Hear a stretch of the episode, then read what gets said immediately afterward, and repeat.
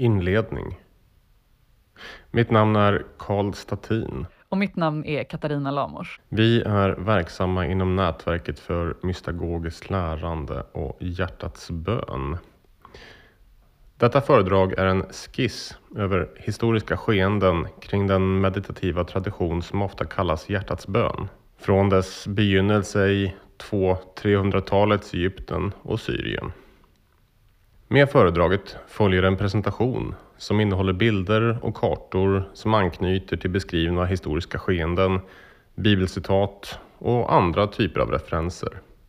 Du hittar länk till presentationen i avsnittsbeskrivningen eller genom vår hemsida hjärtatsbön.se. Namnet Hjärtats bön syftar till att traditionens centrum handlar om ett fördjupat möte med Gud i hjärtats inre världar och rum.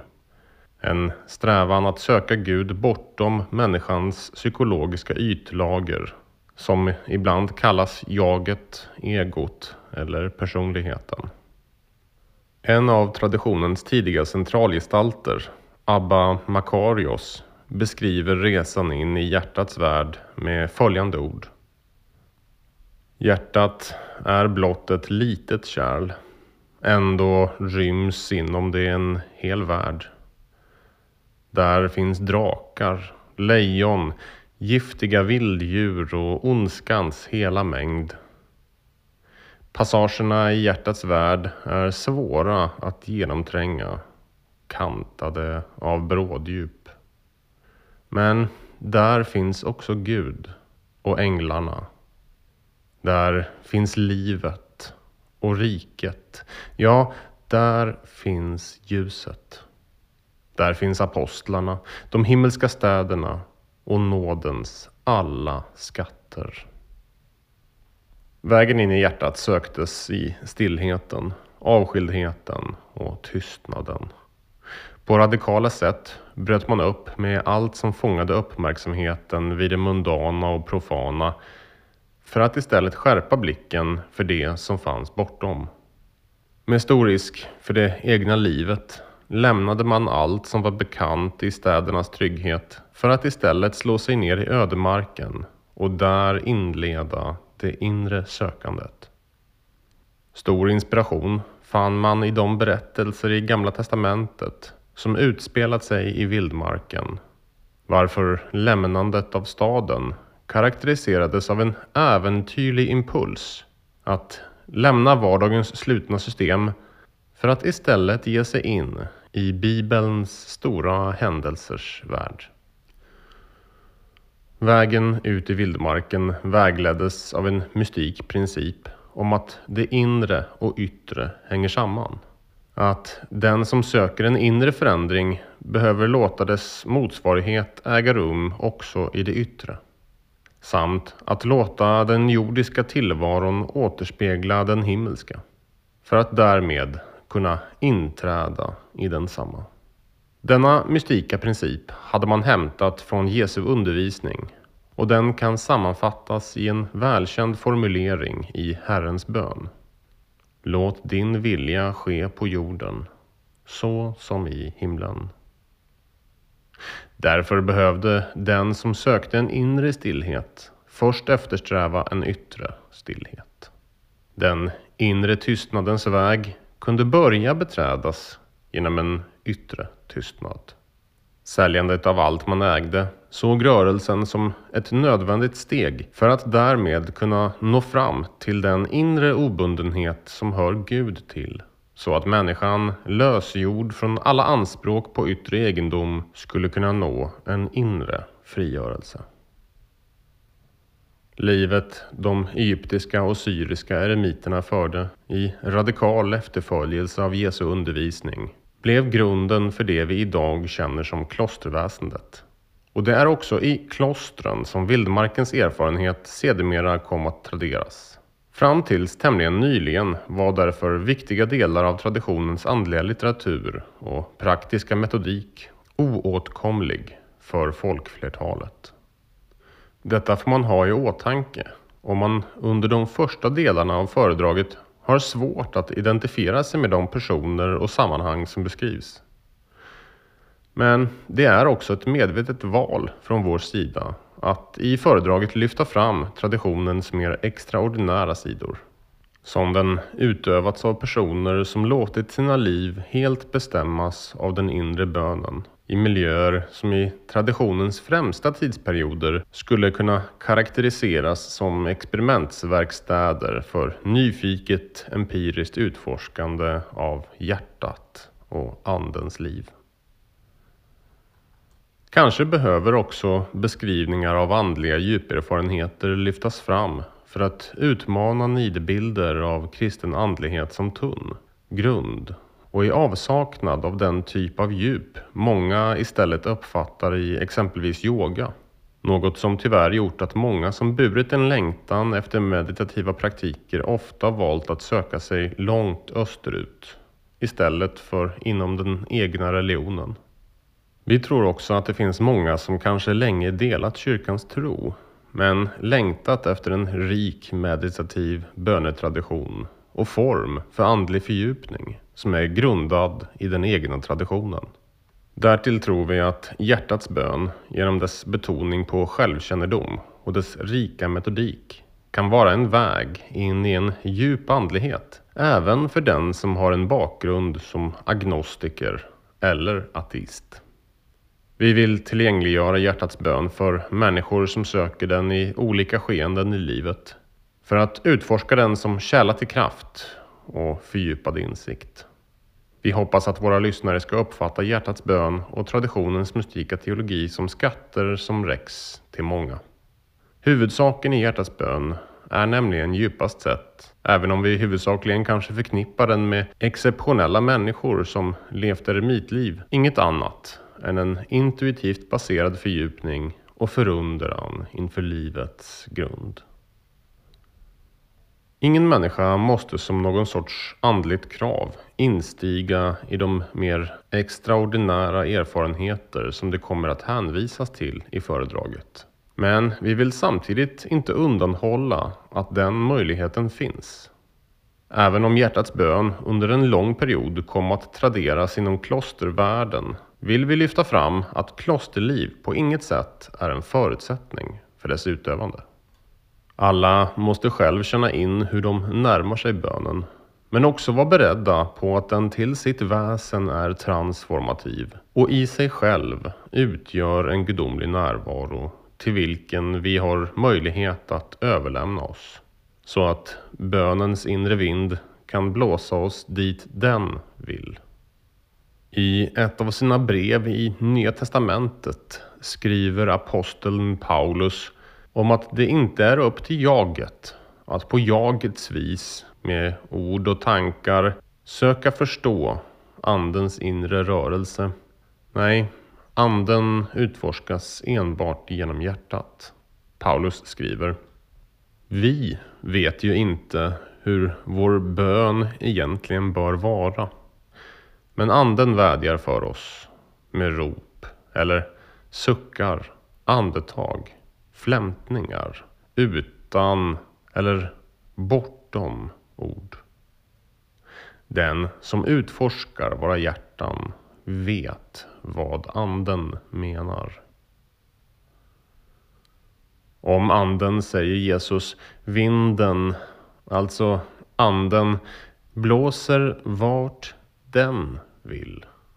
Men du vet inte varifrån den kommer eller vart den far. Ja, våra jag, vårt jag, du, vi, vår ytpersonlighet behöver lära sig att släppa greppet om sig själv och världen för att istället gripas av anden och vila i dess rörelse i hjärtat av värme och ljus. I detta föredrag har vi inga pretensioner på att göra en heltäckande redogörelse för mystik tradition som en samlad helhet, utan samlar ett urval av historiska skeenden och några uttryck för mystik teologi som förknippas med hjärtats bön. Det finns gott om vetenskapliga studier av kristen mystik i största allmänhet. Men det vi eftersträvar här är varken att utgå från utifrån perspektiv eller att söka redogöra för kristen mystik som samlad tradition, utan snarare att ur ett inifrån perspektiv ringa in de delar av den kristna mystika traditionen som är närmast knutna till hjärtats bön som mystik bönepraktik. Inte heller påstår vi att alla inom traditionens historia delar samtliga teologiska utgångspunkter vi på olika ställen lyfter fram. Eller att delandet av dem samma utgör någon sorts krav för utövande av hjärtats bön. Det teologiska urval vi särskilt väljer att lyfta fram är sånt vi tror slår an och finner resonans i många lyssnares erfarenhet och längtan. När vi nu ska komma in något på historiska samband måste först några reflektioner göras. Historiska utläggningar över kopplingar mellan olika mystika teologers uttryckssätt kan lätt missförstås som att mystik utgörs av ett rent idéhistoriskt innehåll. Alltså att mystik består av ett historiskt arv av teologiska formuleringar. Även om det absolut är sant att mystika formuleringar har gått i arv har den betydelse som orden syftar till behövt erfaras av varje enskild generation som tagit emot den. Inte sällan har detta gjorts på lite olika sätt, vilket gör att betydelser delvis skiftat och dialekter uppstått. I många fall har tidigare generationers mystika insikter tappats bort då de personer som vidarefört mystiken saknat de erfarenheter som gjort det möjligt att förstå vad dessa formuleringar syftat till. Ibland har detta rättats till av ytterligare senare generationer som utifrån fördjupad insikt kunnat se bortglömda aspekter av äldre generationers uttryckssätt. Vissa mystiker har därtill sammanfört och skapat synteser av olika traditioner som längre bakåt i tiden hängde samman. I många fall har också innovation ägt rum. För någon framstår kanske mystikens språk och dialekter som en motsägelsefull aspekt av mystikens väsen. I ljuset av mysteriernas ordlöshet. Det kan verka vara en rimlig invändning, men den bygger på ett missförstånd kring vad mystikens språk syftar till. Snarare än att uttrycka mysteriet i sig söker det mystika språket snarare ringa in i vilken riktning det ska sökas. Likt vägmärken pekar traditionens språk ut en väg till mötet med Gud i hjärtat snarare än att utgöra en utläggning av mysteriet i sig. För vissa som är måna om den gemenskap som finns i att verka i en tradition är de historiska sambanden mycket viktiga. För andra, som i första hand vill tillägna sig hjärtats böns praktik, kommer de redogörelser av historiska sammanhang som här följer kanske inledningsvis uppfattas som irrelevanta i relation till vad man söker. Nämligen att instiga i hjärtat snarare än att fastna i nya tankebanor. Detta är i grund och botten en sund impuls som överensstämmer med traditionens insisterande på att det inte är genom att fylla huvudet med mer tankar som vi når fram till hjärtats inre rum. Men insprängt i redogörelsen finns också en hel del användbara mystika nycklar och praktiska utgångspunkter. Vi är därtill övertygade att många som i hjärtats bön finner en väg till den inre bönens värld också kommer att vilja medvetandegöra de vänner i form av historiska personer som likt en gyllene kedja genom tidens förvecklingar sträckt henne vägen in i hjärtat och vars dragning mohända kan uppfattas även bortom de historiska förloppen. Detta rör sig om en historisk skiss, inte om en definitiv utläggning. Den är underbyggd och förankrad i en tämligen omfattande mängd av traditionens litteratur och forskning om densamma. Men den utger sig inte för att vara vetenskaplig eftersom den har normativa utgångspunkter. Däremot är det angeläget att den inte ska innehålla felaktigheter. Om någon skulle upptäcka något som är direkt felaktigt eller behöver förtydligas uppmanas de därför höra av sig så att sånt kan rättas till i en framtida version eller ett till föredraget bifogat errata. Så, vi kommer nu att säga några inledande ord om de tre huvudsakliga källor som den hjärtats bön vi utövar sammanför. Den första av dessa tre källor är den tidiga kyrkans mystika tradition från Alexandria och Syrien, 200-tal till 500-tal. Den andra källan är den bysantinska hesychasmen, 900-tal till 1400-tal. Och den tredje och sista källan är den europeiska renässansmystiken i huvudsakligen Meister Eckarts efterföljd från 1200-talet. Vi ska nu alldeles kort karaktärisera dessa tre. Den så kallade katekesskolan i den antika lärdomsstaden Alexandria ligger bakom de flesta tidiga källorna till den mystik som kan förknippas med hjärtats bön. Här formulerades den strävan som hela den senare traditionen bar sedan dess. Sökandet efter mötet med Gud i hjärtat. Men här börjar också traditionens mystika praktik utvecklas och experimenteras med. Först i form av andliga råd och samtal inom ramen för den i hög grad mycket lärda miljö som katekesskolan utgjorde. Samt i den stora mängd andliga skrifter som den lät författa. Men snart också i form av att många valde att bege sig ut i den egyptiska och syriska vildmarken för att på ett radikalt sätt levandegöra traditionens praktik. Vår andra källa utgörs av den bysantinska klostertradition vars andliga centrum blev det heliga berget Athos i nuvarande östra Grekland. Denna tradition känner vi idag som hesukasm eller Jesusbönen och den karaktäriseras främst av sin metodiskt högutvecklade böneform som beskrivs i ett antal omfattande skriftsamlingar. Den som lär sig navigera i dessa skriftsamlingar finner där gott om praktiska instruktioner, både grundläggande och mer avancerade. Här sätts andningstekniker, den tredelade själen, upprepandet av ett bönord, sittställningar, koncentrationsövningar, instigandet i och vakandet över hjärtat och mycket annat samman till en sammanhängande praktik. En av de initiala utgångspunkterna bakom att dessa skrifter från början nedtecknades var att framtida generationer skulle få tillgång till hesychasmens praktik och kunna utforska dess praktiska undervisning utan tillgång till en lärare. Den tredje källan hittar vi i den europeiska renässansmystiken och särskilt den tyska mystika traditionen i Mäster Eckarts efterföljd som återknöt till aspekter hos den alexandrinsk-syriska traditionen som inte alltid kom att hamna i förgrunden inom bysantinsk hesykasm. Den europeiska traditionen bär ett stort värde för vår samtids utövande av hjärtats bön, inte minst då den till skillnad från i öst långt tidigare valde att ta steget ut ur klostervärlden och på så sätt tillgängliggjordes även för kyrkfolket. Ett annat viktigt skäl till vår urval ur de många europeiska mystika traditionerna är att det finns stråk från just Eckarts mystik i kärnan av reformationen.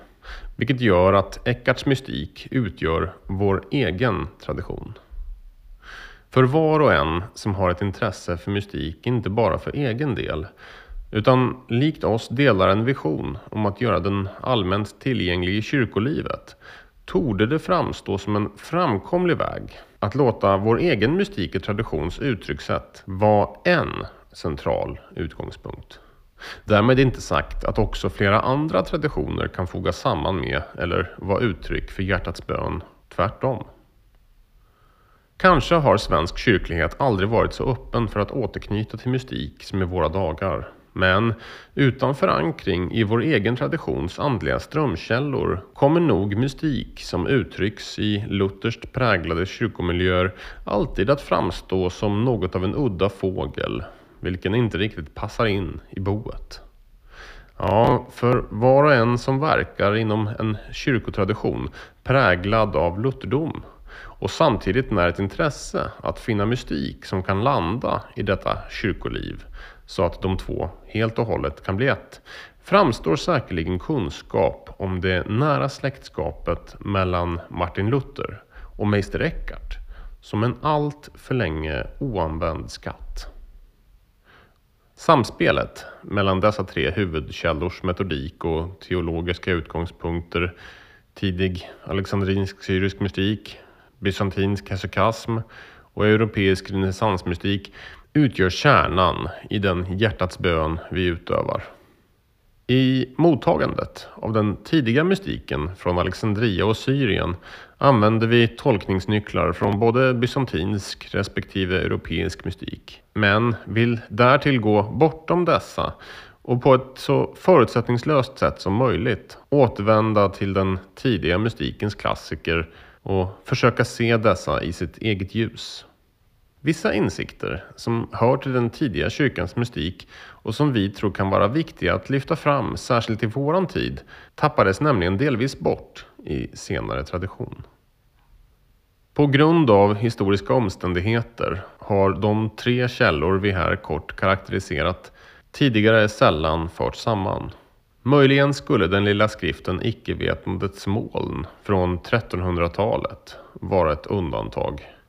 Men det är en spekulation då dess stora likheter med bysantinsk hesychasm inte nödvändigtvis behöver betyda att författaren hade kunskap om densamma. I närtid och på en plats nära oss har dock källflödena förts samman, nämligen för 100 år sedan av en central gestalt inom den mystika Flodbergskretsen, Hjalmar Ekström. Att sätta samman dessa källflöden till ett är alltså inget nytt, utan vi anknyter till ett förhållningssätt som redan visat sig hålla måttet. Att den bysantinska formen av hjärtats böns metoder på ett pedagogiskt sätt tillgängliggörs utanför Östkyrkan och dess klostermiljöer är dock något ganska nytt. När Hjalmar Ekström mötte hesykasmen hade den bara börjat tillgängliggöras på västeuropeiska språk och den litteratur han hade tillgång till var begränsad. Ändå är det fascinerande hur han lyckats sätta fingret på hesykasmens väsen. Många andra som sökt beskriva den bysantinska traditionen har ofta missat centrala delar av den. Möjligen för att man helt enkelt inte känt igen dessa aspekter från egen praktik. Missförstått, förbisett, varit frågande inför hur bärande de är eller i något fall kanske ansett dem vara för kontroversiella. Även om detta är en historisk skiss kommer vi beröra aspekter av hjärtats bön som sällan annars benämnts. Det är jag, Karl Statin, som skrivit och filat på detta föredrag. Vissa lyssnare känner igen mig från min roll som redaktör för podden Den fördolda världen där jag och andra medverkande tillgängliggör mystik från ett levt inifrån perspektiv. Jag har skrivit föredraget på ett sådant sätt att de olika kapitlen följer och bygger på varandra varför det rekommenderas att lyssna i den givna ordningen. Och jag, Katarina Lamors, är en av dem som varit delaktig i att starta samlingarna kring Hjärtats bön i Uppsala och sen nätverket för mystagogiskt lärande och Hjärtats bön. thank you